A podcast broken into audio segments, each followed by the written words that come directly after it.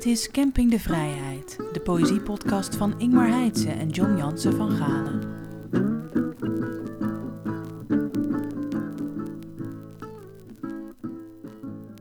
John, Ja, goedemorgen. daar zijn we weer. Ja, de derde keer al, eigenlijk officieel de tweede. Ja, Maar als je de pilot meetekent, is het rekent, is het al drie. Ik zat te denken, John, mo- moeten we daar niet van af? Dat we dat gewoon voortaan nu meteen met één harde zes uur... dat we niet meer steeds denken van de derde is eigenlijk... eh, Nee, tweede? precies. Dus, Ja. dus eh, dus dit is dit is de tweede. Camping de, de tweede. Dit is Camping de Vrijheid. Deel 2, aflevering 2. Welkom en wat fijn dat u er bent. Eh, wij hebben, zoals u gewend bent van ons, al eh, eh, het gedicht van de maand, de lezersvraag, het geschenk, het nieuws van de maand en we hebben de gast. En dat is deze keer Liedewijde Paris of Paris. Daar gaan we vandaag dus achter komen. Zij schreef een geweldig boek, namelijk een gedicht is ook maar een ding. De kenner weet onmiddellijk dat het gaat over Kouwenaar. Ja. Geregeld, het komt uit het gedicht van Kouwenaar. Een eigenzinnige speurtocht door de Nederlandstalige poëzie. En wat zo prettig is als... Als er een ideale lezer voor poëzie bestaat, dan zou het wel eens kunnen dat Liedewijde dat is, Ja, denk ik. het grappige is, de vorige boeken die ze schreef, heten allebei Hoe lees ik? Hoe lees ik korte verhalen en Hoe lees ik? En dit wil ze om een of andere reden niet Hoe lees ik noemen. Terwijl het voor mij wel een soort wegwijzer is hoe poëzie te lezen. Maar dat gaan we er vragen. Ja, Waarom? Dat is, ook, dat, dat is een goede vraag. Ik, krijg- ik krijg de indruk dat het eigenlijk is, als je in zo'n boek ziet staan, hoe lees ik Huppel de Pup, dan is het eigenlijk, eh, zo kun je lezen. En dit is volgens mij veel meer, om de, ook omdat het poëzie is, denk ik, hoe lees ik poëzie? Ja, Ik, ja. Liedewijde. Oké, Eh, en, en wij kunnen er als lezers veel van leren, denk ik. Dat, Sowieso eh, alleen heb, al... ik, heb ik sowieso al gedaan. Kijk, ja, het, het, het, het gedicht als gebruiksvoorwerp. Dat is ook uiteindelijk wat je, wat, althans wat je, wat ik wil. Ja. Ik wil heel graag dat mensen poëzie inderdaad als dagelijks brood gebruiken. Dat het gewoon, dat, dat, dat het gewoon op een kalender op de play hangt. Eh, En- dat, het, dat, dat het net zo normaal is om een paar gedichten aan je kinderen voor te lezen voor het slapen gaan. Ja. Dan eh, een, een, een kinderboek. Een gedicht is ook maar een ding, zo gezegd. Een gedicht is ook maar een ding. Zo zit Ja. dat. Het gedicht van de het maand. gedicht van de maand. Eh, begin jij? Ja, ik wil wel beginnen. Ehm, ik eh, heb het misschien al voorzegd, dat weet ik niet zeker, maar dat maakt helemaal niks uit. David Trog, een favoriete dichter van me, schreef eh, de bundel Voor jou wou ik een huis zijn, uitgekomen bij Vrijdag. Hij was En- ooit winnaar van de Nationale Gedichtenwedstrijd. Toen ik dat mocht presenteren in de stad Schouwburg. Toen Ja, he- heeft hij dat gewonnen. Eh, en, en, en, terecht denk ik. Uit want het is, eh, 16.000 ingezonden gedichten Zo, toen. kijk. Hij heeft een bundel geschreven, het, het is niet zijn eerste overigens. Ehm, eh, dit, dit, is denk ik de, de vierde of de vijfde, dat, dat, daar moet ik het antwoord op schuldig blijven. Maar het is de eerste die gemaakt heeft, die eh, bestaat uit één lettergreep gedichten. Dus één lettergreep gedichten. Hmm. En dat is het langste woord dat erin staat. Want al die, al die andere, eh, Ja. alle andere woorden die erin staan, eh, hebben inderdaad, bestaan maar uit één lettergreep. En het gekke is dat als het er niet bij stond, dan had het nog best een tijd kunnen duren voordat je daar eh, achter komt. Ik zal er eentje doen. Slechts dit. De nacht hangt als Turks fruit om ons heen. De maan gaapt ons aan. De weg naar huis is lang. Geen steeg in de stad waar het vuur niet als een slang rook de lucht in klimt. Zij aan zij zijn wij één ziel. Stap voor stap los ik in jou op. Dat deert niet. Ik eet graag uit jouw hand. Vraag niet veel in ruil, slechts dit. Sluit me op in jouw jas. Ja. Dat is mooi, hè? Ja, Eén letter greep, die hele bundel. En, en dit, dit, nou, ik ben dit verrast van de gedichten. trof me toen, toen hij die winnaar was van de Nationale Gedichtenwedstrijd, dat het allemaal nogal uitbundig en eh, veel was wat hij schreef. Terwijl dit Ja. juist betrekkelijk kaal en eenvoudig is. Het is, het is ingetogen. En- Ingetogen, die- ja. En de één nou, dat was begrijp. tegengeteld toen van waarmee die won, tegengestelde van ingetogen, kan ik je melden. Ja. En ik heb het gevoel dat, dat, dat, dat zo'n bundel als eh, Voor jou wou ik een huis zijn van David Trog, dat het ook voor de lage letterden heel erg goed zou zijn. Want dan kan je gewoon poëzie lezen die op geen enkele manier op zijn hurken gaat zitten, maar wel gewoon uit korte woorden bestaat. Ja, ik vind dat echt een meesterproef. Ja. Heel knap. Ik, ik wou een gedicht voorlezen uit eh, Tot de winter erop volgt. Dat is de nieuwe bundel van Toon Tellegen. Leeftijdgenootje van me, zou ik maar zeggen. En dat luidt een verhaaltje voor het slapen. Er was eens een man die in stukken uiteenviel. Het was een gebeurtenis van niks. Men zette hem weer in elkaar en bekeek het resultaat. Hij was compleet, op één stuk na, één willekeurig stuk. Hoe men ook zocht, men vond dat stuk niet meer en zei hem dat hij zich tevreden moest stellen met hoe hij nu was. En die man viel opnieuw in stukken uiteen en opnieuw. En telkens kon men één stuk van hem niet meer vinden, tot er niets meer van hem over was. En iedereen zijn ogen sloot en sliep. Ja, Ja, dat is eh, typisch toontellig, hè? heel eenvoudig en toch eh, zet het je te, aan denken. Maar waarom ik het eigenlijk voorlas is hoe, hoe vind ik dat gedicht nou? Nou, als je de laptop aanzet, dan is al, daar alweer de nieuwe aflevering van Laurens Janszoon Koster. ja, dat is een En dat is een Ja. fenomeen, want dat is nu al bijna 25, 23 jaar. Doet die man, dat is Raymond Noé, doet dat elke dag. Geeft hij een selectie van poëzie en een liedje en dagboekfragmenten. En daar is hij elke dag een uur of twee mee bezig. Naast zijn, hij is fulltime redacteur van, eh, hoe heet het, Onze Taal. Ja, ja, Hij maakt ook tuurlijk, een ja. podcast. En eh, die gedichten, dat is nog een hele tour. Dat, want hij krijgt natuurlijk niet... Ze sturen recensie-exemplaren aan de kranten, maar niet allemaal aan Laurens Jansson Koster. Hoewel die 6000 poëzieliefhebbers bedient met die site. Dus hij moet altijd nog behoorlijk zeuren om die, eh, om die buldens te krijgen zo gauw ze uitkomen. Maar hij houdt het ontzettend goed bij. En als er geen nieuwe bundels zijn, dan put hij uit het, eh, uit het verleden tot in de middeleeuwen. Dus ik vind dat, het is eigenlijk een dagelijks cadeautje. Ik ben dat, doe dat jaren en het is het eerste wat je naar kijkt. Wat is het gedicht van de dag? Wat dan nu het gedicht van de maand is. Ja, ik heb, Dus- ik heb dat ook inderdaad. Inderdaad, 6000 poëzieliefhebbers. Dat is, dat is dus drie keer de nacht van de poëzie vol, moet je Ja. maar zeggen. Dus, eh, dus uitgeverijen st- sturen gewoon blind die bundels aan die man. Dat is, ja, dat is, Ja. dat is een goede investering. Dat kan, En luisteraars, abonneert u. Het is geheel gratis. Hij zei nog, dat is eigenlijk in de, in de oertijd van internet was dat gewoon Ja. dat alles gratis was. Maar nu moet je voor 23 bijna alles betalen. Maar bij hem moet je nog altijd niet betalen. Dus ik geef even gratis reclame, mag dat? Sluikreclame. Heel graag. www.ljkoster.nl En koster, maar dat weet elke geletterde dan natuurlijk met een C. ljkoster.nl En heeft u geen pen en papier bij de hand, dan zetten we het ook in de show notes. Want dat is iets wat ik altijd zo graag zeg. Oké, Goeie tip, John. Dankjewel. ja. En dan nu de luisteraarsvraag. Ja. Voor een prangende probleem wat, wat, wat we vorige keer hadden. Nou, Tandartsen. Er was iemand die had mij, eh, een goede vriendin, had mij geattendeerd op eh, dat je, eh, je treft overal poëzie aan. Daar hadden we het over met Kila van der Starre op de meest eh, intrigerende plaatsen. En die zei, ik vond het zo leuk om bij de tandarts in de stoel te liggen en dan richt je je ogen naar het plafond en dan staat daar een gedicht. Dus toen heb ik haar gevraagd eh, wel- welke tandarts dan. Die heb ik opgebeld en die zei, nou we hebben helemaal geen gedicht, we hebben alleen een landschap dat in de, in de gang geschilderd staat. En, en hele goede verdoving, denk ik, als je daar een gedicht in ziet. Maar en, en- en zij zei, ja, dan ga ik nog navragen, want misschien was het niet bij de tandarts, maar bij de gynaecoloog. Maar ik heb, ik heb er nader niets meer van vernomen. Maar wel hadden wij toen als lezersvraag van, eh, luisteraarsvraag van, eh, kent u die gedichten? Hebt u wel eens een, een gedicht bij de tandarts gezien? Eh, en toen kregen we een gedicht opgestuurd van Koelman, Koelman Noordhuis.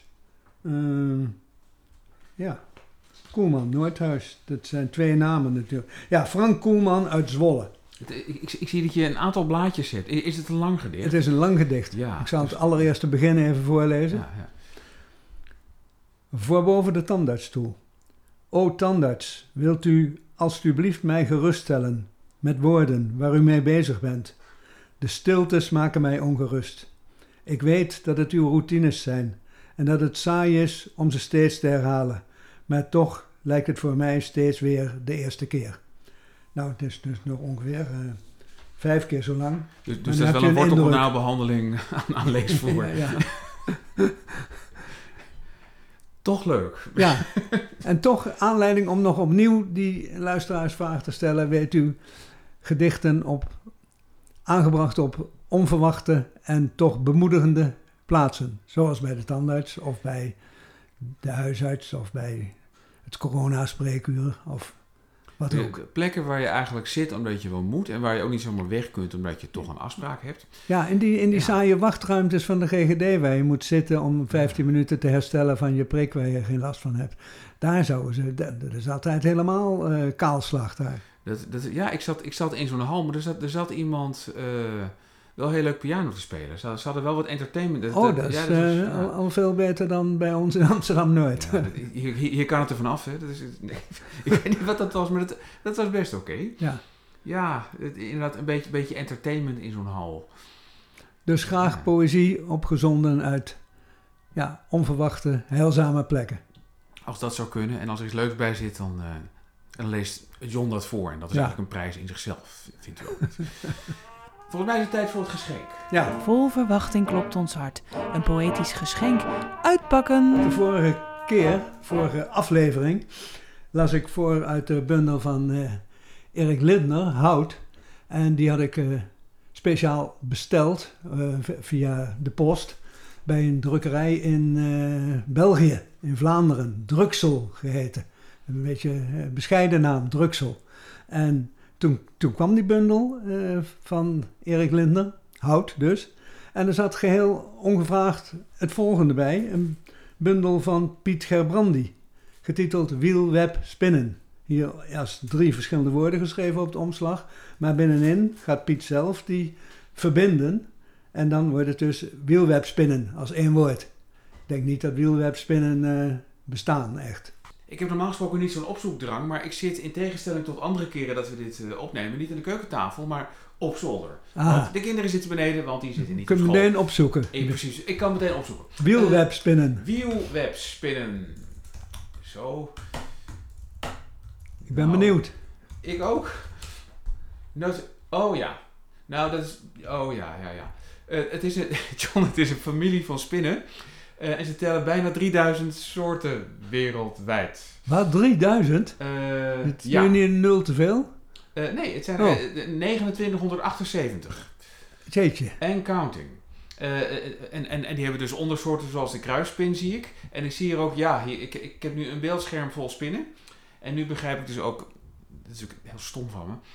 Het woord is natuurlijk ook dat. Het zijn spinnen die webben maken, die de vorm van een wiel hebben. Ja. Dus eigenlijk is dat juist heel erg veel voorkomend, zeg maar. Als je, als je een kind vraagt om een, om een tekening van een spin te maken, dan maakt het waarschijnlijk een spin die, die in zo'n web hangt. Ja.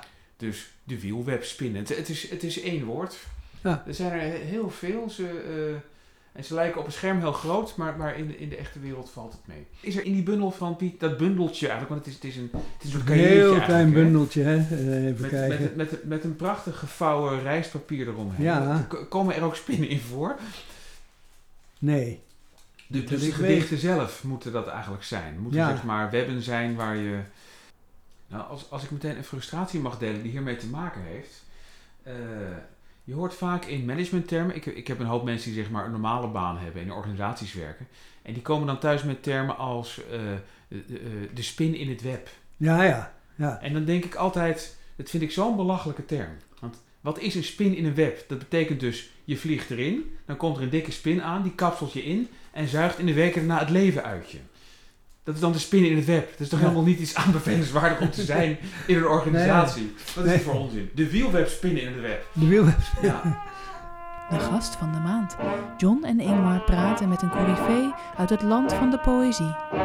Goedendag. Goedendag en welkom. Alleen de, weet het, de bocht gaat precies de andere kant op. Ja, is Hallo! Hartelijk welkom. Leuk dat je er bent. Oh god, Ja. het is een hele opstelling. Ja, welkom. Ja, fijn dat ik hier mag zijn. Liedewij de Liedewijde. Ja, het is Liedewijde. Paris, hè? Niet nee, Paris. het is Paris. Paris? Nou, daar zijn we eruit. Daar zijn we eindelijk Paris. uit. hè, de Liedewijde vorige Paris. Mijn vader heet Henri-Antoine Désiré Paris. Ah. Het zijn juist. allemaal Franse namen tot onze generatie. Ja, Dan houdt het op. ja en, en, en we verwelkomen je hier vanwege je nieuwe boek. Een gedicht is ook maar een ding. Een eigenzinnige speurtocht door de Nederlandstalige poëzie. Ja? Ja. Eh, eh, we zeiden allebei, van, we hebben met ontzettend veel plezier zitten lezen. Nou, daar ben ik blij om. Zo Ja. is het ook bedoeld. Ja, Ik heb het met plezier gemaakt ook. ja, Nou, wat, wat, wat ik het bijzondere vind aan het boek is dat het, eh, eh, zeg maar, de weerzin die heel veel mensen onterecht hebben tegen het lezen van poëzie, is precies dezelfde weerzin die ik als dichter voel tegen het lezen van verhandelingen over poëzie. Eh, en, het, en het lukt je in dit boek, wat eigenlijk die weerzin bij de lezer totaal weg zal nemen, als, als moet je dan wat lezen. Eh, het, ook, ook die weerzin haalde het bij mij weg voor het lezen van verhandelingen over poëzie. Dit is een ontzettend langdradige inleiding om duidelijk te maken. Het is ontzettend aanstekelijk. Ja, maar kijk, dat komt ja. natuurlijk omdat het mijn eigen nieuwsgierigheid is. En eh, hey, kijk, er zijn mensen die hebben voor- en tegenstanders van wat ik doe. En ik heb dit boek alleen maar kunnen schrijven doordat allerlei mensen die mijn eerste boek Hoe lees ik over proza hadden gelezen, die zeiden doe nou iets over poëzie. En ik denk ja, poëzie, bedenk het zelf, hè? want poëzie dat haal je naar je toe en dat, ik vind dat- daar moet je mee doen wat je wilt. Maar ja, ik snap ook wel dat als je zo'n gedicht van Ja. Kouwenaar leest, dat je denkt, ja joh, wat moet ik ermee? Waar, waar, geeft het, waar krijgt het Dat handen dacht en ik ook toen ik het las. Ja, en dat is ook ehm, het idee dat je alles maar moet begrijpen. Dat alles te begrijpen is, dat alles te analyseren is. Laat het nou eens los. Geef Ja. je nou eens over, ga eens mee. Geniet eens van gekte, van geluid, van cadans en dat soort dingen. En dat kan je dan wel zeggen. En als je tegenover een groep mensen staat, kan je dit laten horen. Hè, ik doe altijd op scholen. Je kan natuurlijk denken, eh herinnering aan Holland. Denkend aan Holland zie ik brede rivieren, traag voor oneindig, laagland gaan. Ja, ah. Nou, dan kan je zeggen, ja, Ja. het loopt lekker. Maar je kan ook doen, net zoals Marsman, nou, die zat dus buiten Nederland, dan denkt hij terug en denk je, denkend aan Holland zie ik brede rivieren, traag door oneindig laagland gaan en rij oneindig ijle populier, alsof hij het voor zich ziet. En dan Ja. haalt hij het op in zijn geheugen en dan komt die poëzie tot leven. En als je het zo leest, ehm, en als je leest het spel van Kouwenaar met de klanken, met de spiegelingen, met de herhalingen. Ja, Ja, dat vond ik wel een enorme eye-opener als je dat... Want Ja, ik vind het zo ook een- ik in principe een ondoorgrondelijk gedicht, maar toen ik dit las... En toen, toen vroeg ik me ook af, je vorige twee boeken heten Hoe lees ik? Hè? Ja. Hoe lees ik korte verhalen? Hoe lees ik, nou ja, eh, proza? En, maar je verzet je er tegen om dit boek ook Hoe lees ik poëzie te noemen. nee, dat wilde ik niet, nee. Nee, Omdat terwijl het die functie wel heeft bij mij als ik dat gedicht Ja, van... dat is een soort verborgen agenda. Maar dat is niet de bedoeling. De bedoeling is eigenlijk, pak waar jij van houdt. Kijk, meestal de boeken die ik bij mijn Hoe lees ik boek heb gedaan... zijn boeken die mensen gewoon lezen. Want er zit een verhaal in, zit meestal een kop en een staart in. En het verhaal krijg je wel bij elkaar. Maar heel veel mensen zeggen, ja, ik heb toch iets gemist. En daar heb ik die boeken voor geschreven. Die boeken heb ik ook geschreven omdat mensen daarom vroegen. En toen dacht ik van ja, er zijn, heel, er zijn zulke goede boeken over eh, hoe je poëzie kan lezen, hoe poëzie werkt. Jouw boek, hè, dus de 100 van Heidse, Ja. kan ook zo werken. Jij laat in de keuken kijken. Ja, dat is wel een En- beetje waar, denk ik. Ja, en er zitten natuurlijk een heleboel dingen. Hè. Er zitten eh, ver- ver- verwijzingen naar Nijhoff in. En dit, dat benoem je allemaal niet. Eh, dat hoeft ook niet, want je hoeft Nijhoff niet te kennen om van jou te genieten. Maar dat je het laat zien waar een gedicht uit voortkomt. En soms dat het een opdracht is. En soms dat je het zo opschrijft. En nou ja, dat helpt mensen. We hebben het er nou al een tijdje over. Zou het niet verhelderend zijn als je even, of ik, dat gedicht van Kouwenaar of van Kouwenaar leest? voorleest. Het ja, is nou dat wil pagina ik wel doen. Ik heb pagina bij me. Dat, 30, hè? Hè, En daarom, heet, 20. daarom ga ik ook kriskras er doorheen. Hè. Het heet dus een gedicht is ook maar een ding. En elke hoofdstuktitel gaat daarop verder. Is Ja. een ding dat een keer is ontstaan, dat het hart beroert. Ja. Want dat geeft mij de vrijheid om hup hup van het een naar het ander, van de ene tijd naar de ander, van modern naar oud. Even kijken hoor. Maar ik begin met lekker klassieker, met Roland Holst. Hè. ja, Even kijken. veel klassiekers. Eh, als een ding van Gerrit Kouwenaar. Een gedicht als een ding. Een glazen draaideur en de Chinese ober die steeds terugkeert met andere schotels. Een parkwachter die zijn nagels bijveilt tussen Siberische kinderen uit Maine. Een Venus van de voortijd samen met een spin op de snelweg. Een glas moedermelk, een geel gesteven smoking, een bij, een pennemes. Beide stekend. Een vliegtuig dat oplost in dorpsregen. Een gedicht als een ding. Ja, en dat laatste, een gedicht als een ding. eh, dan, eigenlijk legt hij het uit. Hij zegt, het is een gedicht als een ding. Ja. Ik heb het gemaakt, ik pak wat steentjes. En het een is een bij en het andere is een pennemes. Ach kijk, dat steekt allebei. En dan een vliegtuig dat oplost in de dorpsregen. Nou, dat alleen al. Ook al snap je niets van dat gedicht. Als er staat een vliegtuig dat oplost in de dorpsregen. Ja, daar heb ik geloof ik een halve bladzijde over geschreven. Over die, die, dat vind ik zo mooi. Meer hoeft niet. nee, nee. En, en dan ook een glazen draaideur en de Chinese ober. En dan denk ik, de Chinese ober. Dan denk ik, nou, die kennen we dus al. Hè? Hè? Die steeds terugkeert met andere schotels. En het is iemand die ja, meegaat met wat het een draaideur. En dan denk je, ja, een draaideur. Dan komt de Chinese ober. Ja, en dan komt het natuurlijk steeds terug. Dus je kunt het wel, anekdotisch kom je ook wel wat. Je ziet wel iets Ja, voor je. Dus toch, het heeft iets ja. amusants.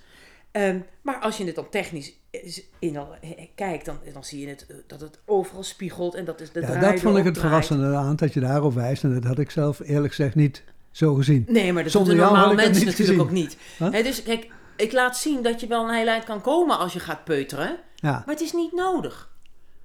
En daarom ga ik ook van Kouwenaar, dan denk ik, dan hebben we het ergste gehad. Dan hebben we een gedicht gehad wat niemand begrijpt, zeg maar. Ja. Hè, en dan hebben we natuurlijk nog de klassieker van Paul van Ostaaien. En dan trek ik gewoon lijntjes, dat je kan zien hè, van, van eh, eh, wat is dat, Melope met die man eh, in die boot naar de zee. En dan zie je, als je lijntjes trekt met woorden, dan zie je dat het zigzag gaat. En dan denk je, oh ja, hij zit te roeien. En dan gaat het ook zo, dan Ja. zie je hem roeien. Dat hoeft allemaal niet, maar dan maak je het inzichtelijk. En dat is dat je denkt van, nou, als ik gewoon niks met mijn fantasie of associatie kan hebben, ga gewoon tellen. Of ga gewoon eens kijken. Ja. En als je er geen zin in hebt, laat het. Het Nou. hoeft niet. Maar overwegend behandel je eigenlijk gedichten van me op die op zich al tamelijk inzichtelijk zijn. Hè? Veel Hoornik, veel Kopland, veel...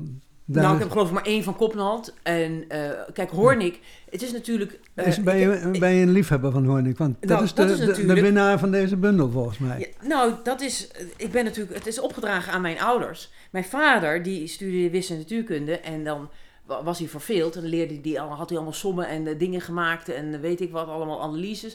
En dan moest hij iets anders. En dan ging hij gedichten lezen. Ja, En die ging hij uit zijn hoofd leren. En dat heeft hij mij meegegeven. Ik moest altijd overgeven in de auto. En dan leerde hij mij een gedicht. ja, Dus, hè, dus het, het ken ik uit mijn hoofd. Maar ik wil ook laten zien, er is veel oude poëzie die je gewoon kan lezen. Ehm, hè, en ik heb wel steeds allerlei moderne gedichten daarin. Maar het was niet mijn bedoeling om mensen poëzie te laten lezen die heel ingewikkeld is. Ik wil ze juist laten ontdekken dat er heel veel mooie poëzie is. ja. En dat ook in de oude poëzie, want ik heb ook uit de middeleeuwen en de ja renaissance... zeker. Ja. Ehm, dat, en, en de zestigers, dat je, en de vijftigers, dat je echt kan zien, je kan met al die gedichten wat. En er lopen lijnen van Herhalenwijn eh, via Boerkenaas eh, naar Willem Wilmink. Ja.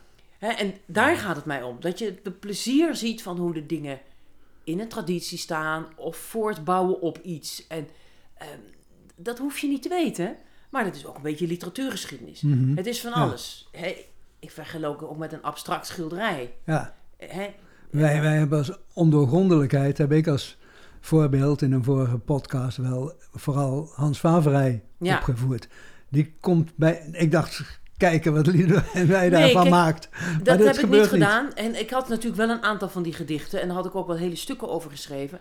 Maar toen dacht ik, ja, nodig dat nou uit. Begin nou bij wat, ja, wat, hoe noem je dat? Dat is eh, eh, laaghangend fruit. En dat klinkt misschien wat Ja.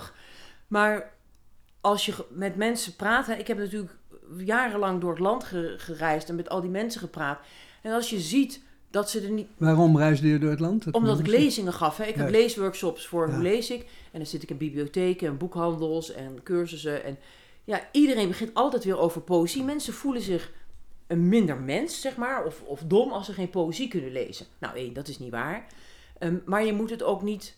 Je moet jezelf niet banger maken dan nodig is. Heel goed. En je Ja. moet jezelf Ja. een soort vrijheid geven. En daar was dat boek voor bedoeld. Ja. En dat je denkt van, oh, ik ben nieuwsgierig. En ik, ik hoef er dus niks van te vinden. En eh, als ik er drie zinnen uit mooi vind, dan is dat al genoeg. Nou, als dat de winst is aan het eind van het boek, dan is mij dat genoeg. Oké, ja. Ja. Ja, geheel mee eens. Ja, waar, maar- waar was je al die tijd, zou ik zeggen? Dit, eh, dit boek is Nou ja, precies ik- wat nodig is. ja nou, ik, ik met Ja. dank aan corona. Oké, ja. Eh, want ik heb, doordat de bibliotheken dicht waren, heb ik heel veel in de digitale bibliotheek voor de Nederlandse letteren kunnen zoeken. Veel Ja, onderzoek kunnen doen. Dat is een waanzinnige schatkamer. hè, Het is een dat, dat, waanzinnige dat we dat schatkamer, hebben, zou ik Waar je ook hysterisch gek van wordt. Ja, Want je trekt aan het draadje Ja. en drie dagen later ben je ergens anders. Ehm, maar daardoor kon ik wel allerlei dingen vinden. En ook allerlei genealogische dingen. Dat ik denk, waar komt dat nou vandaan? Hè, er zat dus één dichter in. Ja, die heeft een paar gedichten in twee tijdschriften gepubliceerd. En ik kan het niet kunnen vinden. Ik heb niet kunnen vinden dat het een pseudoniem is. eh, waar die vandaan komt, waar die geboren is. Niets. En nou, dat heb ik dan toch maar opgenomen. Omdat ik denk, ja, zo kan dat dus ook. Je kan Die staat hierin. verdwijnen. Die staat hierin. Hoe heet hij dan? Ja, dat is nou de. Ik wist Ja, dat je geen vraag. Dat dat is het grote weten. probleem. Dat is dat gedicht dat hij vertrekt. Ik denk naar Indië. Oh ja, ja. dat heb ik Eh, gelezen, Hoe heet ja. die man nou? Heet het Afscheid? Of Vaarwel, Vaderland of zoiets? Weet jij het? Afscheid staat hier. ik weet het niet. Zie ook dood. Ik zal, zo, ik zal zo even kijken. Ja. Dus eh, Nou, nou ja, dat heb ik erin gedaan. En bijvoorbeeld ook eh, ja, zo'n zo, zo'n dienstmaagd uit Sneek. Ik heb dat boekje meegenomen.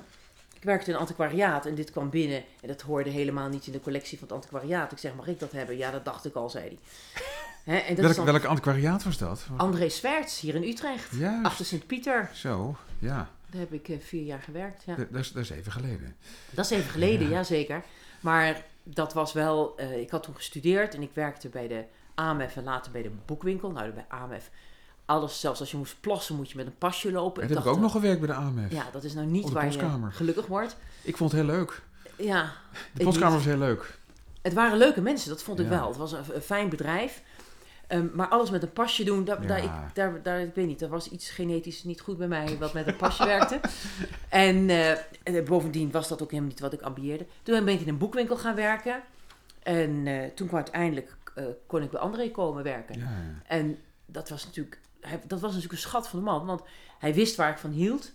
En ik geloof, het eerste boekje van Marsman, dat heeft hij met de hand geschreven, met blauwe inkt geloof ik. Er zaten een paar gedichten in, dat zag je nooit meer. Daar heeft hij er, er zijn er geloof ik tien of twintig van. Het En- boekje, is dat, is dat het rode boekje? Nee, nee, nee, Het is nooit 250 gedrukt, van, het is met de hand geschreven. Oh, zo de. Ja. En André weet alles, wist alles. Hè. Hij is helaas overleden. Maar dat- ik heb zoveel van die man geleerd. En vooral het, ja, zijn kennis en het enthousiasme. Want dat boekje kwam binnen en André was een zakenman. Die kwam, dat kwam binnen Zo. en binnen twee minuten was het verkocht. Hij wist de Moedine, die wilde het hebben, die de bel ik even en dat. Maar dan zei hij, nee, nee, dat, dat moet mijn assistent nog even in het systeem zetten. Ah ja. Nou, één, dat kon hij heel goed zelf. Maar hij vond, dat krijg je nooit meer in je leven te zien. Dit moet je even zien. Ja, oh, ja. Dus dan zei hij, dat moet je even bekijken. Toen zei ik, moet ik het in? Ach wel, nee, al lang verkocht, zei hij dan. Dus dat hoefde helemaal niet in het systeem. Maar die, dat hij dat weet waar je van houdt, wat interessant is, wat belangrijk is, ehm, dat, dat liet hij mij. Want soms, eh, ik ontdekte pas later, hij zat aan een computer zo en ik zat met een haakse hoek aan de andere kant van de zaal. En dan hoorde hij mij soms niet tikken en dan had ik natuurlijk research kunnen doen. Maar hij zag dan, in de weerspiegeling ontdekte ik later van zijn computer, dat ik zat te lezen. Dan zei hij, interessant boek. Kopen, zei hij dan. Dus ik heb vrij veel bij hem gekocht. En Ja. ook deze dienstmaagd te Sneek. Nou, dat is dan uit, wat is het, eh, 1821. En ja, dat is dan inderdaad een dienstmaagd. En als je dat dan uitzoekt, dan mocht zij dus bij de bazen waar zij schoonmaakte, mocht ze de kranten en de boeken lezen. En ja, ze imiteert natuurlijk van alles ook. Maar er zitten ook gedichten in die ze dan maakt voor haar mede-collega, die ook schoonmaakt. En die zegt van ja, niemand merkt u op, maar ik heb u gezien en daarom wil ik voor uw verjaardag een gedicht maken. En dan denk je, ja, bloody sentimental natuurlijk. Ja. Maar het zijn wel oprechte gevoelens. Mhm. Ja. Ja. En of je nou Toon Hermans, Toon Hermans staat ook in mijn boek. ja, dat viel En- me op, ja. Ja, en kijk, als dan Wende Snijder, eh, hè, als de liefde niet bestond, zingt, dan denk je wat een, een prachtig gedicht. Ja, en je behandelt heel lang dat Maaike Auwboter, hè? Ja, Ja. maar, dat, hè, maar dat Toon Hermans, als je dat door Wende Snijder laat zingen, dan krijgt het een kontje, dan wordt het opeens mooi. Ja, Maar als je zegt het is van Toon Hermans, dan denken mensen, oh Toon Hermans. Laat mensen. ja, ja, ja. ja. Laat me. En Maaike Auwboter, ja, leg daar Gorter naast. En het is hetzelfde. Ja, dat, maar als doe je ze ook. Gorter ja. te lezen geeft, denken ze, ja, moet het weer moeilijk doen. Ja. Maaike Auwboter speelt op de precies dezelfde manier met taal. Ja, ja, ja. Nou, en die dingen wil ik laten zien. Dat Ja, het staat er integraal in, hè? het Dat staat er integraal in. Ik was ook heel erg blij dat ik het op mocht nemen. Ja, Ja. eh, eh, van, het, van haar management. Dat vond ik echt fantastisch. En ik vind het ook ongelooflijk mooi. ja, heel mooi. En ja. het is ook gewoon een gedicht. Ja. Hè, dus die vrijheid ook. Ik heb ook allemaal reclame, slogans en liedjes en dat soort dingen. Het zit natuurlijk in dezelfde vijver. Ja. Althans voor mij. Kijk, ik ben Mhm. geen dichter, ik ben geen Ingmar Heitse. Dus ik kan zeggen wat ik vind. Zo. Ik ook. Ja, jij ook. Ja. Nee, maar dat is, eh, Nee, we- dat, eh, s- sowieso, de, de, de link tussen lyriek en, en, en liedkunst en poëzie is natuurlijk... Als je nou een goede ingang noemt, is het natuurlijk dat. Wilming, de naam viel al even. Ja. Dus ook iemand die eh, manifest geen onderscheid maakte tussen zijn liedjes en zijn gedichten, zei het hetzelfde. Nee, maar goed, vroeger, waarom rijmden die, al die dingen? Omdat ze bijna allemaal gezongen werden. Tuurlijk. En dat leg ik ook uit, dat je dan dingen kan onthouden. En, eh, eh, dus, kijk, wat ik probeer is te laten zien, er zit een wereld achter een gedicht. Het wordt gemaakt. En soms denkt de dichter na een jaar, zoals dat van Ed Heornik. Dat hij, hoeveel jaar zit er tussen? 35 jaar Ja. of zo. Hè? Ja. Dat hij dan denkt, ja, toch maar anders. Ja, dat vind ik mooi hoe je dat Ja. spoor Ja. terugvolgt naar Ja, nou, al dus- die wijzigingen die hij aanbrengt, bekortingen net ook. voor corona, want het, het literatuurmuseum ging dicht. Ja, Hè, en ik was overtuigd, ik moet dat en dat hebben. En dan zullen ze dat hebben en dan zie ik dat en dat. Nou, en dan denk je, je zit daar en ik denk, het staat er niet. Hoe kan het? ja. En dan later ontdek je een ooievaartje en dan doe je het open. En dan zie je dus dat die hele bundel is veranderd. Heeft niemand in de recensies aandacht aan besteed? Nee, niemand ziet En- dat. Nou, Nee. nee, maar, nee, maar er is wel een recens, recensent geweest die zegt, nou, hij heeft het ingekort en ding, maar hij heeft het niet systematisch bekeken. En dat vind ik interessant, dat iemand het, door wat hij in het leven heeft meegemaakt, dat zijn thematiek zich verdicht en dat hij dan denkt, ja, nu heb ik de kans, nu ga ik het weer veranderen. En dat je dus ziet dat een gedicht leeft bij mij als lezer, maar het leeft ook bij een dichter. Het leeft soms Ja. door. De meeste mensen zien dat helemaal niet.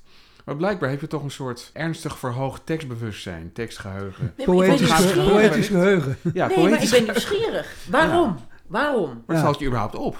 Dat is al het begin. Nou ja, ik ken dat gedicht uit mijn hoofd. Ik wil Ja. vandaag een reiskostuum gaan kopen. Oh ja. Huis voor heren uit de kast. Je kent het uit je hoofd. En denk ik, mijn hoofd is gek. Of mijn vader heeft het mij verkeerd geleerd. Dat waren mijn twee eerste opties. En dan, hè, kijk, mijn, mijn moeder is overleden in, in 2019. Dus die hele mikmak aan poëzie, die staat nu bij mij in de kast. En eh, dus ik loop naar de kast waar ik te beroerd voor was. Ik vond op Google, die, als ik het niet had gegoogeld, maar ik was naar de kast gelopen, had ik niet ontdekt dat er een andere regel in stond. Ja, ja, ja. Dus doordat in Google de eh, latere variant stond, denk ik, heb ik het nou verkeerd? Maar dan loop ik naar het verzameld werk en denk ik, haha, Google heeft het verkeerd. En toen dacht ik, wacht, Ah, ja. ik dacht toch ook dat Google het verkeerd had. Hè? Dat is dan gewoon een Ja, dat is gedichtenwebsite. heel vaak zo. Maar Ja. ik heb ook allemaal literatuurgeschiedenis. En nou wordt Ed Hornik niet zoveel eh, in allerlei bloemlezingen opgenomen. Maar De naam valt te weinig. Ja. eh, in de oudere wel. Ehm, eh, dus uiteindelijk vond ik een modernere bloemlezing waar die in stond met dit gedicht. En dat ik dacht, ja, daar staat ook die regel. Ja. Staat En- ook een beetje haaks op het imago van Hoornik als zijnde een leberman met zo'n cirkelen om zich heen van allerlei intellectuelen die voortdurend over de vloer kwamen, zodat hij volgens mij zelden tijd had om, om aan gedichten te werken. En toch blijkt dat zo geweest Hij te heeft zijn. ongelooflijk. Als je naar het literatuurmuseum gaat, dan is het allemaal kladjes en verwijzingen. En, van. en sommige gedichten, dan zie je het en dan heeft hij het echt zo opgeschreven. En andere, dan zie je tien varianten en kladjes en dat soort dingen. En dan denk je, ja, dat, dat heeft je moeite En heeft het allemaal bewaard. Ja, hij heeft het allemaal bewaard. Ja, en, eh, ik weet niet of dat een bewust bewaren is of dat hij dacht, ik moet er nog aan verder. Ja, ja, oké. want op, dit- op zo'n papier, nou je weet zelf ook, dat ga jij ook. Je hebt een envelop, het komt iets binnen, je schrijft iets op en dan denk je iets Ja. anders op. En dan denk je, oh ja, dit komt in het ene gedicht, dat komt in het andere gedicht. Ja, dat, Ja? dat heeft hij. Ja? Het, het is bijna Klopt dat? gegarandeerd de tweede hoor. Dat kan, kan- dat kan ik wel voor Ed Hornik invullen, denk ik. Dat je inderdaad denkt, inderdaad, je, zei- je hebt ergens iets opgeschreven. En zeker in de tijd dat je nog geen harde schijf had. Nu maak je foto met je iPhone en komt het al ergens op je computer terecht. Eh, maar ook dan heb ik nog de neiging om die, om die envelop en die troep te bewaren. Dus Ja, en dan ga je er even doorheen en dan word je weer geïnspireerd en denk je, oh ja, die ene zin. Ja, Of ja. ja, dat ene woord. ja. Hè, dus ik denk dat het zo gegaan is. En eh, er was, ik weet niet wanneer dat ingegaan is, maar toen ik nog uitgever was bij Querido, was er een staande regel dat het Literatuurmuseum wilde alle proeven waar auteurswijzigingen in zaten, dus het liefst manuscripten en de proeven met auteurswijzigingen Ja. wilden ze allemaal hebben. Oh ja. Precies hiervoor. Hoe dat in de toekomst moet. eh, want waar blijven alle e-mails? Ik heb zoveel computers Ja. in mijn leven achtergelaten Dat waar drama, correspondentie in zat. Hè, ik heb wel, eh, als ik toen bij Querido wegging, heb ik wel van bepaalde mensen, ik denk, ik print het helemaal, dan is het bewaard. Hè, Ja. dus, eh, ik Ja, was maar het dat- vergeten dat ik dat had gedaan. Dat maar de- geldt natuurlijk voor de hele biografie. Dat vraag ik me zo vaak af als je Ja. die di- dikke pillen van Poetsing over Colijn leest. ja. Die heren hadden een discussie in 1933, eh, smiddags bij iemand thuis, dronken ze thee. En dan ging, ze na- ging de een naar huis. En dan legde hij in een brief vast, wij hebben besproken, Amice, het volgende. Ja. En die werd dan gestuurd, die brief, die is er nog. Nou ja, of er Maar waren nu- geschreven maar dagboeken. Ja, en Ja. brieven. En wat men ook deed, men stuurde brieven aan elkaar door. En, hè, bedenk even dat als stel dat Edu Perron en Ter Braak eh, computers hadden gehad. Dan waren we toch heel veel informatie kwijt. Dat zou wel eens kunnen. Ja. Ja. Ja. En eh, eh, dus in de- ook dat literatuurmuseum, iedereen zit alles in de computers te doen. Eh, ik bewaar alle varianten van, van mijn manuscript niet omdat ik denk dat gaat naar het museum. Maar omdat je denkt, ik gooi iets weg, misschien heb ik het nog nodig. Ja, Juist. Hè? En Ja. daardoor bewa- daarom bewaar ik het. En ik heb altijd een soort afvalbak manus- eh, manuscript. Dan denk ik, dit heb ik eruit gegooid, dit heb ik verwijderd, dit heb ik Oh, ja. verwijderd. En aan het eind ga ik er nog doorheen denk ik, oh, dat moet er nog in. ja, ja. ja. Hè? En ja, dat, dat- ik ben benieuwd hoe dat gaat. Of iemand überhaupt nog geïnteresseerd is in biografieën. Maar ik had dus de mazzel dat dat van Ed Hornick Dat is een enorme hoos in was. biografieën juist. Ja. Als je het vergelijkt met 20, 30 jaar geleden. Ja.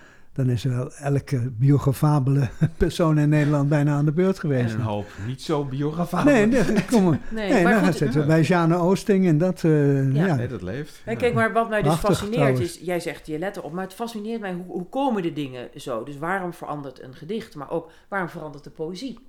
Ja. Waarom verdwijnt het rijm? Dat kan. Net zoals toen de fotografie kwam, was het niet meer nodig voor schilders om realistisch te schilderen, want daar hadden we de fotografie voor. ja. Dus dan kan je een eigen weg kiezen.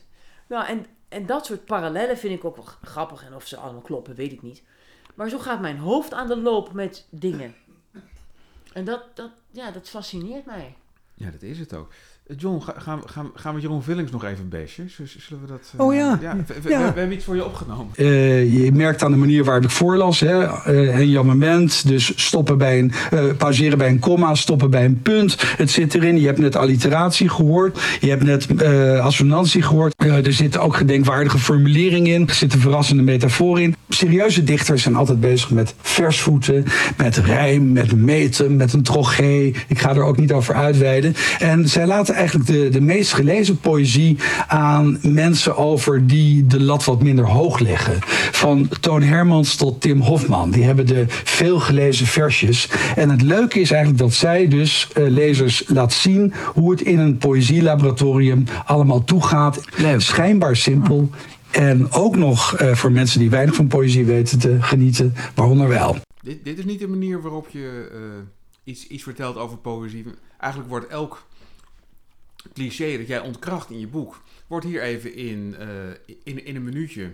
wordt juist weer tegengewerkt. Dat poëzie is iets voor Ja, ingewijden ik heb de context niet helemaal van Jeroen gevolgd. Ja, het, het, zijn die, het, zijn, het zijn die hoplaats van, van Ja. Philip Herzberg, waar hij heel enthousiast over is. En het is ook heel leuk. Ja. Eh, en, en, en daar vertelt hij eigenlijk over van... Nou ja, die hoplaats zijn eigenlijk bedriegelijk eenvoudige versjes. Maar ondertussen is het heel wat. Dat is eigenlijk wat hij zegt. Dat is ook waar. Dat is ook waar. Maar dat is toch prima. En eh, kijk, eh, er zijn zoveel soorten mensen. En er zijn zoveel soorten dichters en gedichten. Laat het. Waarom moet iedereen alles? Hè, eh, een van mijn eerste besprekingen van dit boek eh, is door iemand die zegt van ja, eh, dit is niet een boek wat je helpt om Astrid Lampen te lezen. Nou, dan denk ik dat er geen één boek is wat je helpt met Astrid Lampen lezen.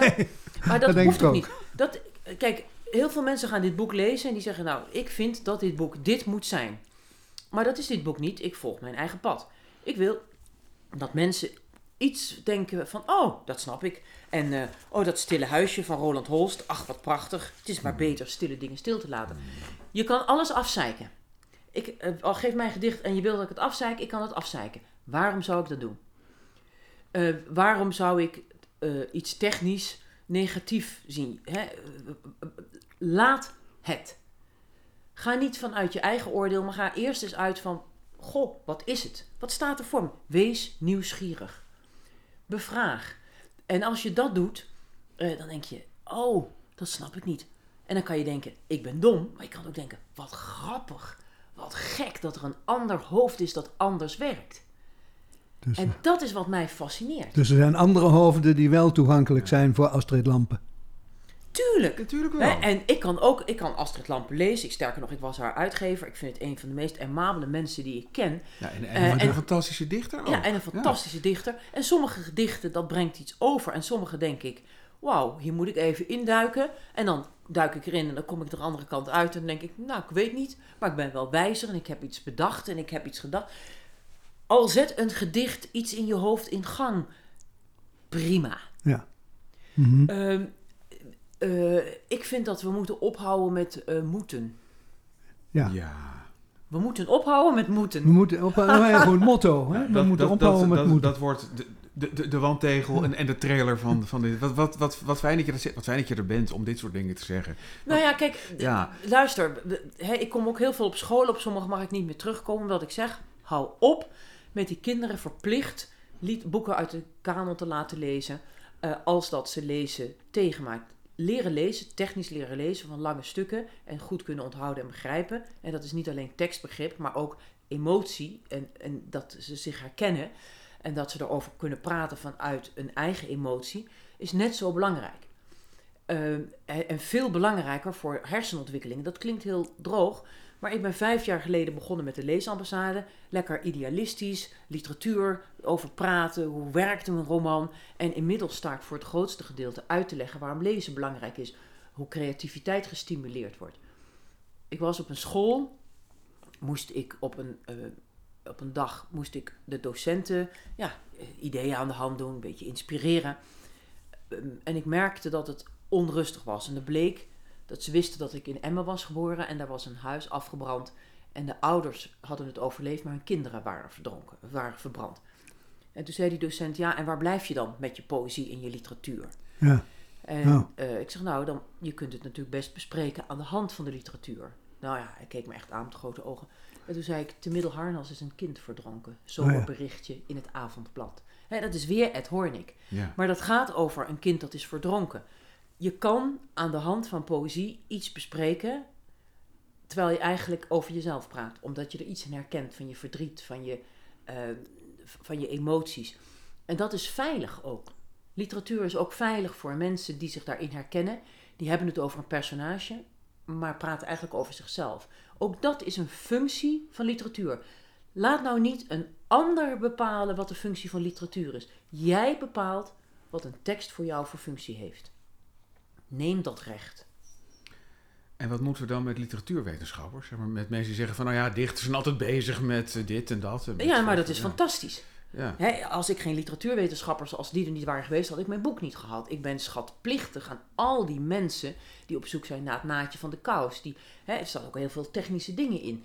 Ehm, maar verwacht niet dat een gewone lezer, die gewoon leeft en zijn baan heeft en kinderen opvoedt, dat die s'avonds poëzieanalyse loslaat op een gedicht. Waarom zou je? Als je het leuk vindt, perfect. Maar een heleboel mensen hebben dat niet meegekregen. En dat, dat hoeft ook niet. En op school, je kan het doen. En je kan het laten zien. Dat je zegt, nou, dit is gewoon gedicht. Gewoon gedicht. Gek gedicht. Laatst, ik, ik zou eigenlijk, als er geen corona was geweest, had ik op een school geweest, Montessori in Rotterdam. Die hadden een sublieme opdracht uitgedacht voor de leerlingen. Ze moeten zelf een gedicht zoeken. Hè, VWO 5, zelf een gedicht zoeken. En dan komen ze op school en dan hebben hun leraren ook een gedicht voor die kinderen opgezocht. Voor elk kind een eigen gedicht wat zij denken Ja. dat past bij jou. Ja. En dan hebben ze dus een eigen gedicht. Dat hebben ze zelf mogen zoeken. En ze krijgen een gedicht dat ze niet weten welke dat is. Ja. En dan moeten ze een stuk schrijven, een essay of een betoog over die twee gedichten. En dan kan je dus zeggen, waarom heb ik dit gekozen? En past dit andere gedicht wel of niet bij mij? En dan moet je laten zien dat je het kan analyseren en begrijpen. Maar je mag het zelf doen, vanuit jezelf. En vergelijkenderwijs, dat is net zoals Hendrik de Vries, vers tegen vers. Ja. Het zijn natuurlijk ook van die briljante boeken. Absoluut, Gewoon twee ja. gedichten naast elkaar. En dan gaat hij zeggen, kijk, hij heeft het zo gedaan Ja. en hij heeft het zo gedaan. Ook, ook dat zwaankleven aan effect. aan. Het is leuk, hè? Ja, Ja. en dat, dat, dat soort ideeën, ehm, dat je jezelf mee kan nemen in een stuk over poëzie, dat een school dat ziet en dat laat doen, ja, dat vind ik gewoon geweldig. Ja. Is het een gunstige uitzondering? Want eh, Jeroen Dera die laat zich nogal kras uit over het eh, literatuuronderwijs op scholen. En, Nou, ik Het ben op scholen geweest, echt wat ze daar doen is fantastisch. ja? Echt fantastisch. Eh, dat, dat, dat ze mogen ze, moeten ze bijvoorbeeld een, middeleeuwse tekst als uitgangspunt nemen. Zo. En ehm, maak er iets moderns van. En dan mag je een podcast van maken, of je mag het in een krantenverslag doen, of je mag er een filmpje van maken, eh, of een rap. Maar doe er iets mee. Ja, ja. En het goede daarvan is, is dat het veronderstelt dat je je verdiept in die tekst. Die wordt niet overhoord, maar laat blijken dat je de essentie van die tekst hebt begrepen. En, en dan moet je zelf iets gaan bedenken en creatief je uiten. En dat zijn natuurlijk, dat heeft met elkaar te maken. En dat vind ik, ja, vind ik zo goed. Er zijn scholen Ja. die zijn zo goed bezig. Ik kom niet zo heel veel op scholen, eh, maar de, de scholen waar ik ben geweest, en, eh, ook er zijn mediathekarissen, wat die allemaal in Ja. de bibliotheek hebben en wat ze allemaal bedenken en ondersteunen. Ja. Nou, ik heb er gewoon groot respect voor. En het is ingewikkeld natuurlijk. ja. Mhm. Ja. We zijn eh, Dat dacht ik. ruim over de tijd, want dat is allemaal zo leuk. Oh, ja. Oh, zijn we ruim over tijd. Oké. ja. Ik had geen horloge. Jij wel. ik wel, een ik zit, ik zit hier naar een groen scherm te kijken waarop de We hebben de klok kookwekker on- erbij. onverbiddelijk ver- ver- ver- ver- is, is, is er nog een mooie uitsmijter? Eh, je, je, hebt- je hebt Ja, ik weet niet, moet je ik niet een gedicht voorlezen? Ja. Ja. Eh, nou. Nou, ik, ik, ik, ik wil nog wel even, even in het midden brengen dat die... André Swert was het, hè? Die, die, de- de- de- de- is, is, is daar niet ook een keer een, een, een eigen monument? Ik, ik- iets, iets geeft me wel het gevoel dat daar een keer een, een heel boekje van komt... met, met, met alles wat daar is meegemaakt, als, ik- als ik het zo... Nou ja, kijk, toen hij overleden was, kwamen natuurlijk allerlei herdenkingen eh, op internet en dat soort Ja. dingen. En ehm, dus, nou ja, kijk, hij was gewoon een fenomeen. En er waren er een paar natuurlijk, hè, en, en, en net zoals Schumacher, maar die kent natuurlijk iedereen wel. Eh, Max en Sonja heet ze geloof ik. Hè, Die, die- dus Ja. dat zijn fenomenen. Maar eh, André, kijk, het is natuurlijk interessant, hij hoefde het allemaal niet voor zichzelf te hebben, maar hij wist alles en had er plezier in. Ehm, maar had een enorm zakelijk instinct. Hij was ook ge- gepassioneerd in Hendrik Werkman. Hij wist dat ik daarvan hield. Dus ook alles werd voor mij bewaard. Ja. Maar ook, eh, ja, weet je wel, of het nou over de Bodoni. Ik was geïnteresseerd in Bodoni, hè, dat is een, een, Ja, ja.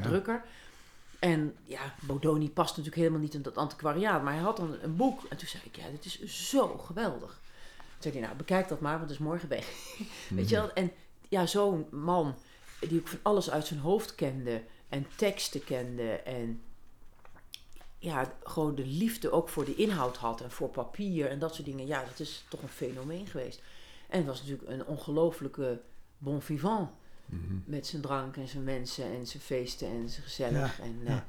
ja, als je ergens had willen, le- willen leren wat leven was, dan had je gewoon even een jaar met André mee moeten lopen.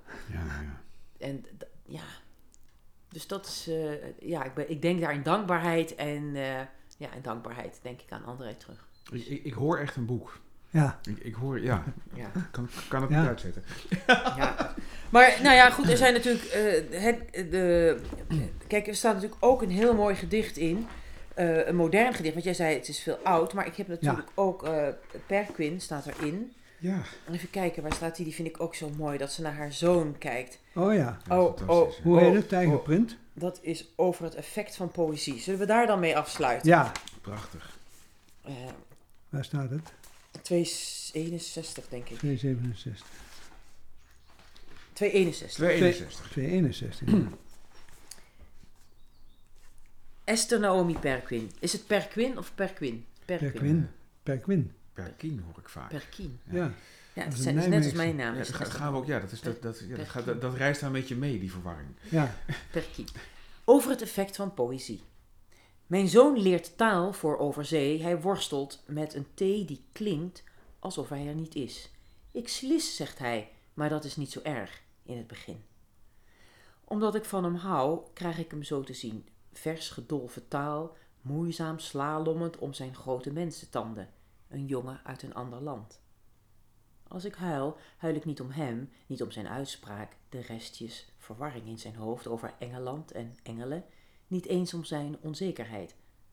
Als ik huil, is het omdat hij vraagt aan zijn volwassen, iets te dikke en weinig elegante moeder, terwijl hij er met de meeste oprechte belangstelling in legt. Do you want to be a ballet dancer? En mam, weet je wat ik heb gezegd? Ja. Hey, kijk, het is een kleine anekdote, het is een klein Ja. verhaaltje. Eh, dus je hoeft er in feite niks mee. Maar dan staat er boven over het effect van poëzie. Ja. En dat geeft het al meteen een, Een twist. draai. Ja. Ja, en, eh, hè, en het is natuurlijk, je moet ook denken over Engeland en engelen. En dan denk ik, oh ja, Engeland, is dat nou het land waar de engelen wonen? Dus het, het, het geeft allerlei eh, inzichtjes. En een T, die klinkt alsof hij er niet is. Ja. Hè? En dan denk je, oh ja, dat is natuurlijk zo. Want je hebt ballet en daar staat een T, ballet, maar ballet. En dat, die hoor je niet. Dus je kan het allemaal wel bij elkaar puzzelen. Ehm, dus je hoeft er ook niet meer mee dan dat. Ja. Eh, en zij stopt het dan in een gedicht. En dat Ja. is dan ook weer de ontroering. Dat ze in iets heel kleins, ehm, dagelijks, anekdotisch, gewoon een kind wat Engels oefent, eh, ontroerd raakt. En ja, daar kan je dan de ontroering van poëzie in herkennen. Ook iets, kan ook iets heel kleins zijn. Ja, meer hoeft niet. Dankjewel, Ja, Liedewij de dat- Paris. Dankjewel. Ja, wij hebben alleen nog het nieuws van de week. En dat is zo gebeurd. Het nieuws van de maand, sorry. laatste nieuws de maand. Ja. We vergissen ons steeds. We Ja, willen eigenlijk van- elke ja, week. van een bepaalde tijdsperiode. Het is een beetje raar aangevlogen dit. eh, maar dat komt omdat ik een hele rare week achter de rug heb. Ik had een gedicht gemaakt voor één vandaag. En dat ging voor mij doen viral. Eh, om, om, dat komt alleen maar do- door het onderwerp. De lockdown die, die ons opeens in onze nek toch viel. En ik, ik bedoelde een troostend gedicht te maken. Dat is al bijna niet te doen. Met die vanuit die gedachte iets maken. Maar goed. Eh, en toen kreeg ik een gedicht terug van Martin M. Aart de Jong. Dat vond ik nog beter dan mijn eigen gedicht.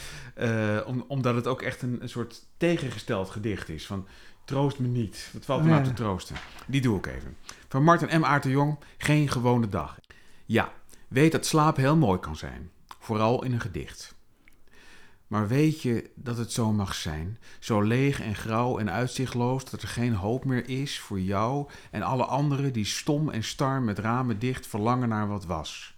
Het juichen in een stadion, de glans van een vol glas, geroezemoes, de drukte op stations. Het leven dus, bedrijvigheid. En zorgeloos gekust werd je, gewoon omdat het kon. Probeer me niet te troosten, man, al is het goed bedoeld. We gaan er door. Het komt van diep en ver. Ja. Wauw, hè? Tot Ja. zover dit nieuws. Het doet mij denken aan eh, Maarten van Roosendaal. Red Ja. mij niet. Ja. Ze heeft abs- absoluut daar, daar iets mee. Hij heeft, hij heeft ook goed naar, naar, naar Wigman gekeken. Althans, dat, dat mooie zigzag, dat mooie ritmische. Het is echt, echt een prachtig gedicht. Ja, Dus ik, eh, ja, ik was heel blij dat ik dat eh, to- toch ook een heel klein beetje had aangesticht. Ik dacht van, het komt een klein beetje door mijn gedicht.